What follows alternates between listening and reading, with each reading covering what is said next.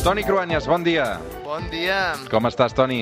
Bé, que bé que ja anem tornant una mica a algunes situacions que ens retroben amb, amb aquesta nova normalitat, no? Sí, vosaltres el TN, eh, de, de portes en fora, eh, no s'ha vist, però de portes en, endins eh, expliquem que continueu treballant amb mesures bastant excepcionals, no? Sí, sí, sí, la veritat és que continuem. Mira, com aquell dia que vam estar explicant tot com Sí. funcionava, doncs no, no ha canviat tant, eh?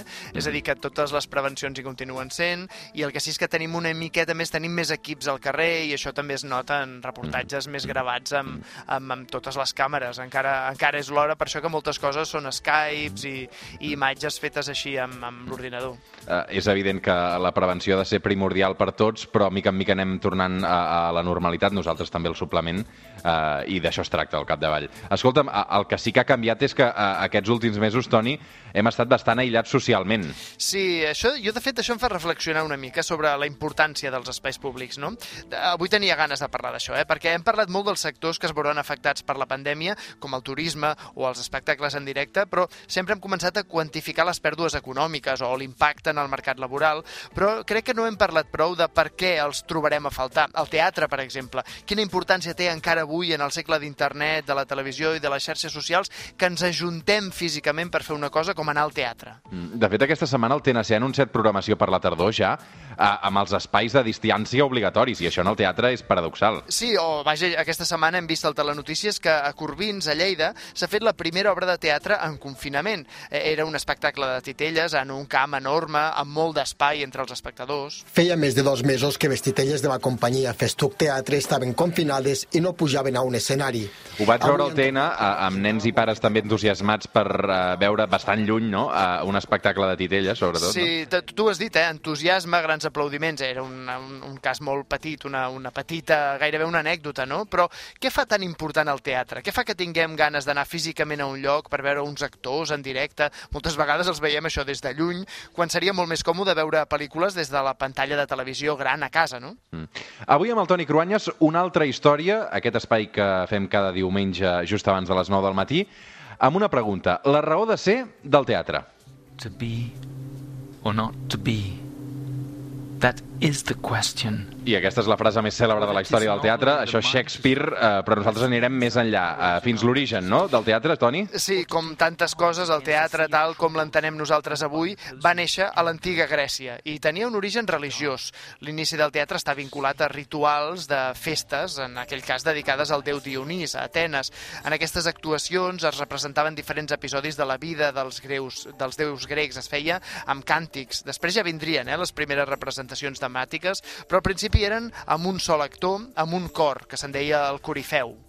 Va ser primer la tragèdia o la comèdia? Primer plorar o primer riure? Doncs sembla que el pas de la religió al teatre va ser en les festes de la Barema. De fet, Dionís era el déu de la disbauxa, o sigui que en principi va ser la representació per al gaudi, per marcar la festa, però com que l'origen era religiós també pesava molt el component, el component tràgic. De fet, va ser al segle V abans de Crist que apareixen aquestes diferències entre els dos gèneres, amb els grans primers dramaturgs, Sòfocles i Èsquil.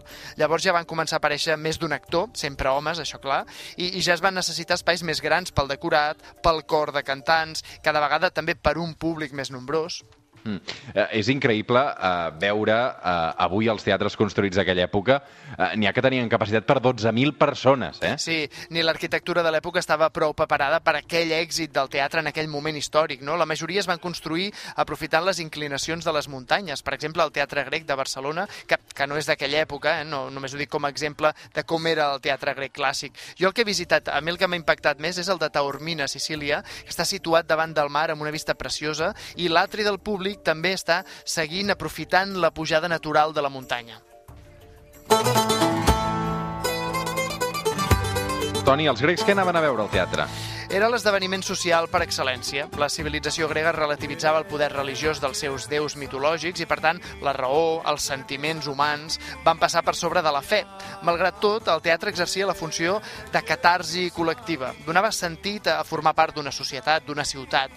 Parlava del passat comú, dels episodis gloriosos dels avantpassats.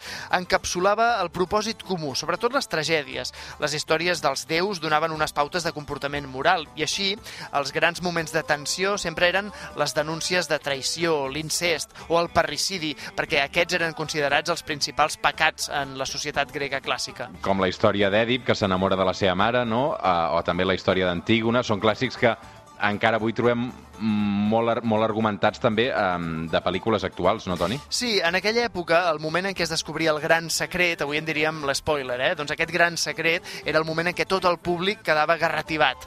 Després aquest gènere va deixar pas també a altres gèneres més lleugers, com la comèdia clàssica, però també el drama satíric, en alguns casos amb, amb dosis de crítica política molt punxants. Mm. Això no devia agradar gaire al poder polític, no?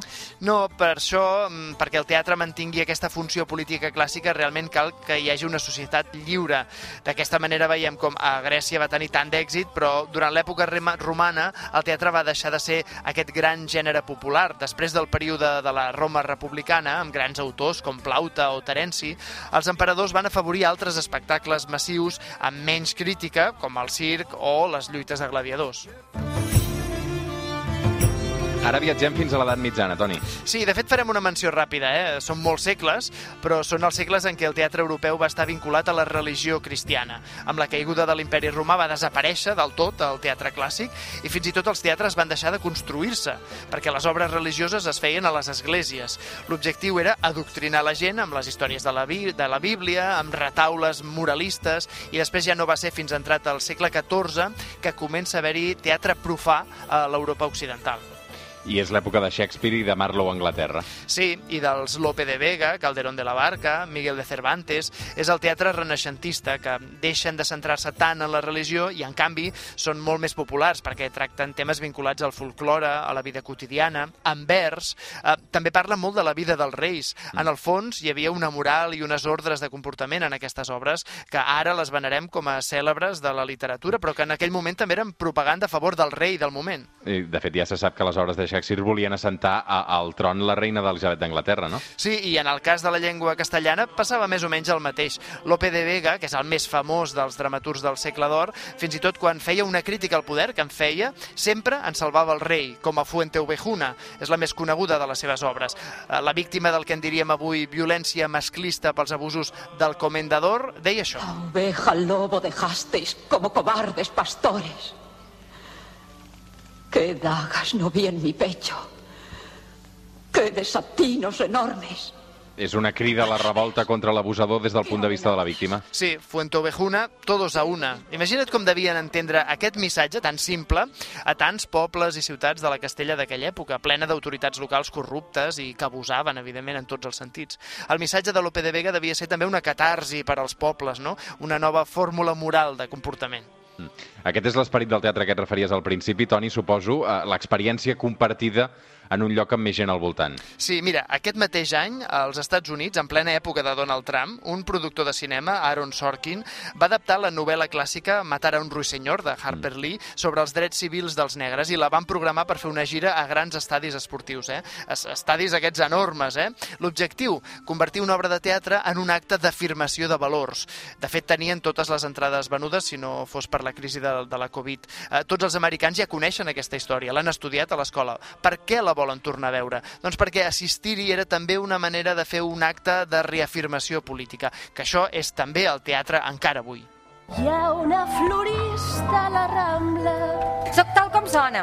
I a la llengua no hi tinc pèls? És una dona indecent. La Molt Rambla dels, de les floristes eh, de Sagarra, que va tornar a ser un èxit eh, la temporada passada al TNC, no? Mira, potser aquesta és l'última obra que a Barcelona he vist, jo almenys, que fa aquesta funció social, no? En el moment en què hi ha un homenatge a l'atemptat de l'estiu del 2017, eh, en aquesta obra de teatre, en la versió que va poder veure l'any passat, el públic queda petrificat, literalment.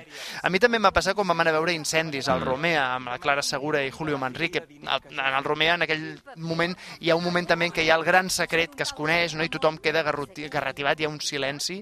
O també el Nacional, el 2013, amb l'estrena de Barcelona de Pere Riera, amb Emma Vilarassau i Míriam Iscla sobre els bombardejos contra la ciutat de Barcelona del 1938. El fet de, de parlar d'un moment tan traumàtic per la història col·lectiva, aquesta obra, jo encara ho recordo que la gent anava a veure-la amb banderes, no? Uh -huh.